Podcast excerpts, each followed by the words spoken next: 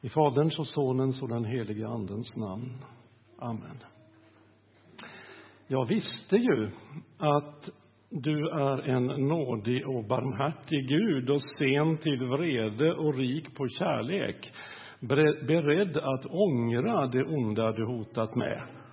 Så ta mitt liv, Herre. Det är bättre för mig att dö än att leva. Det där är ord från dagens gammaltestamentliga text som lösryckta låter helt obegripliga. Det är profeten Jona som yttrar de här orden i en bön till Gud och han gör det när han just fått veta att Gud tänker skona den syndfulla staden Nineve. Jona hade fått uppdraget att varna Nineveborna för att Guds straff väntade dem om de fortsatte att synda. Och då hade de verkligen gjort bättring. Och när Gud såg det beslöt han sig för att skona staden. Man skulle kunna tänka sig att Jonas skulle bli jublande glad för att de hade lyssnat till hans predikan. Men precis tvärtom. Han ber om att få dö. Så ta mitt liv, Herre. Det är bättre för mig att dö än att leva. Varför har vi så svårt att stå ut med Guds barmhärtighet? Det där behovet av att det vi kallar rättvisa måste skipas. Syndaren måste få sitt straff. Man eh, kan kanske förstå att anhöriga till mördade i sin förtvivlan och affekt kräver att mördaren också måste dö. Men när vi som står bredvid också känner samma behov av vedergällning, av blodshämnd.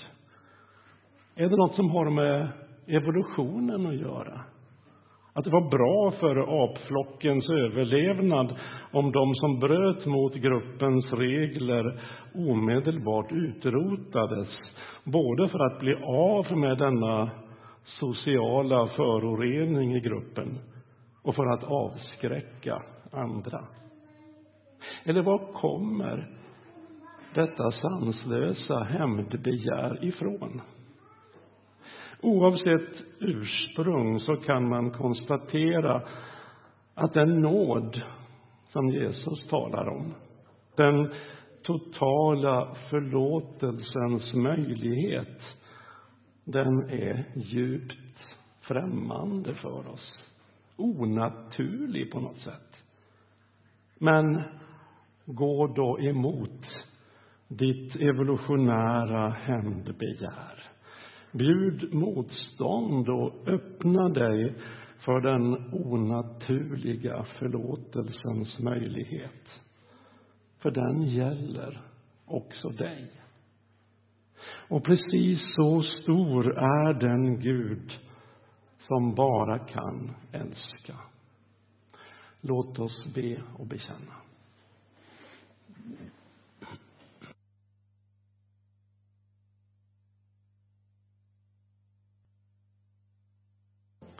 Upplyft är hjärtan till Gud och hör dagens heliga evangelium. Så skriver evangelisten Lukas i sitt sjuttonde kapitel. Kan vi dra ner lite på ljudet, tror jag.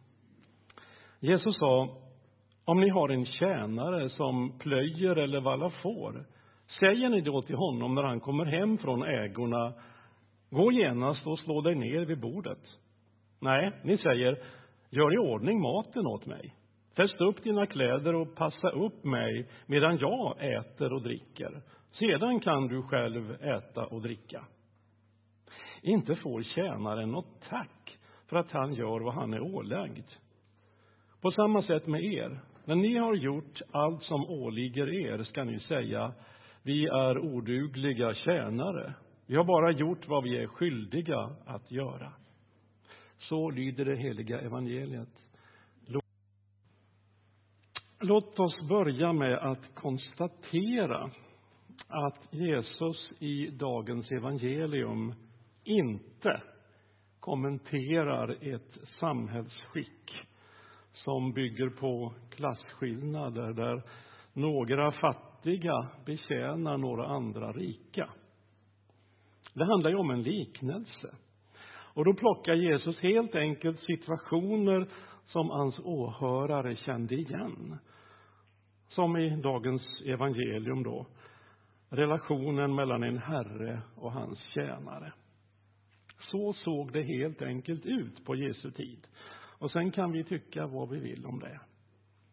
Det fanns ett avtal mellan herre och tjänare och var och en förväntades leva upp till sin del av avtalet.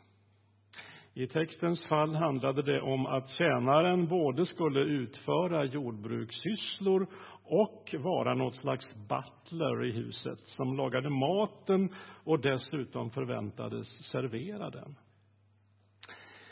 Utifrån eh, avtalet och det som var normalt på den tiden var det alltså inget konstigt med att tjänaren hade dubbla eller tredubbla sysslor hos sin herre. Och denna situation jämför då Jesus med relationen mellan oss och Gud. Att vi ställer oss i Guds tjänst. Att vi lever efter kärleksbudet. Att vi lyder om vi upplever en kallelse och så vidare.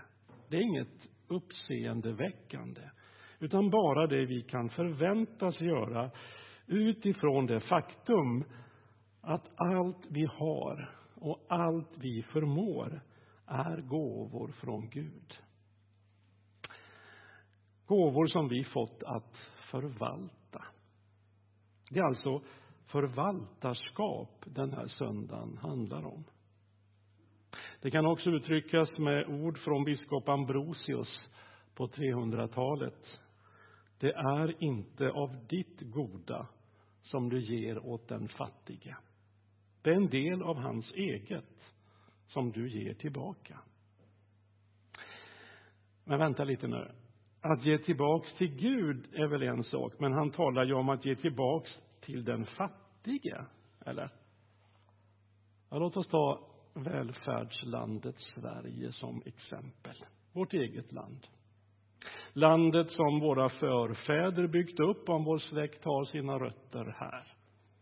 Till att börja med kan vi fråga oss om det, är, om det bara är våra förfäder som har byggt upp det här landet eftersom den internationella handeln varit utbredd sedan kanske 500 år tillbaks. Och det senaste århundradet har den exploderat i sitt omfång så att numera är vår välfärd till mycket stor del uppbyggd av fattiga människors arbete till låga löner i andra delar av världen. Det innebär att biskop Ambrosius ord från 300-talet är sannare än kanske någonsin. När vi ger bistånd till fattiga länder så ger vi verkligen tillbaks en del av det som de gett oss genom sitt underbetalda arbete. De politiska partier som nu talar om att sänka biståndet borde tänka den tanken. Det är inte av ditt goda som du ger åt den fattige. Det är en del av hans eget som du ger tillbaka. Men även om vi hade varit en isolerad ö i världen, helt avstängd från alla andra länder, så hade vårt materiella välstånd varit att räkna som något som vi fått, inte att äga, utan att förvalta. Åtminstone enligt den värdegrund vi kallar kristen. För Jesus talar gång på gång om just förvaltarskap. Att det vi äger är till låns för att förvalta till den dag då vår Herre återvänder och vi ska göra räkenskap för vår förvaltning. Men utöver påminnelsen om en gammal tids klassamhälle så finns det ytterligare någonting vi kan reagera på i det där korta evangeliet jag läste. Nämligen när Jesus säger att vi ska säga till oss själva, vi är odugliga tjänare. Här kan vi jämföra med 1917 års bibelöversättning som löd vi äro ringa tjänare. Ringa tjänare betyder ju enkla tjänare. Och det låter ju ändå lite snällare än odugliga tjänare i den nya översättningen. Men eh, odugliga tjänare är förmodligen en mer bokstavstrogen översättning av den grekiska texten. Men Jesus talade ju inte grekiska utan arameiska. Och arameiska hör till den semitiska språkfamiljen i Mellanöstern. Den språkfamilj som blivit allt mer vanlig i Sverige på senare år genom invandringen, om inte annat. Och då vet vi att det vi skulle kalla, det vi skulle kalla överdrifter, det är en del av språkbruket i de kulturerna. Och vi hörde det också i den gammaltestamentliga texten när profeten Jona i sin upprördhet över att nineviterna inte fick det straff de hade förtjänat ber Gud, så ta mitt liv, Herre, det är bättre för mig att dö än att leva. Han tar i så han spricker, liksom. Så jag tror alltså att vi kan räkna in begreppet odugliga till ett sätt att uttrycka sig som fortfarande är vanligt i Mellanöstern. Man tar till, helt enkelt. Så, Signe. När du alldeles strax ska döpas och bli en del av den kristna familjen så betyder det inte någon slags oduglig förklaring av dig.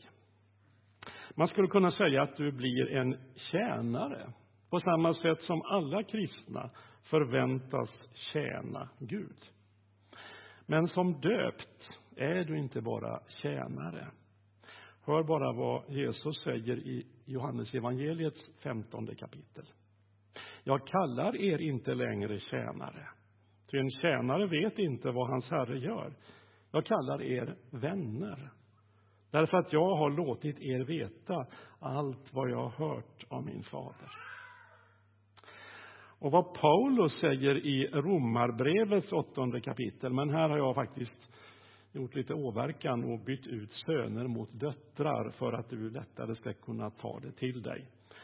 Ni har inte fått en ande som gör er till slavar så att ni måste leva i fruktan igen. Ni har fått en ande som ger, dött, ger er döttrars rätt så att vi kan ropa Abba, Fader. Anden själv vittnar tillsammans med vår ande om att vi är Guds barn. Men är vi barn, då är vi också arvingar.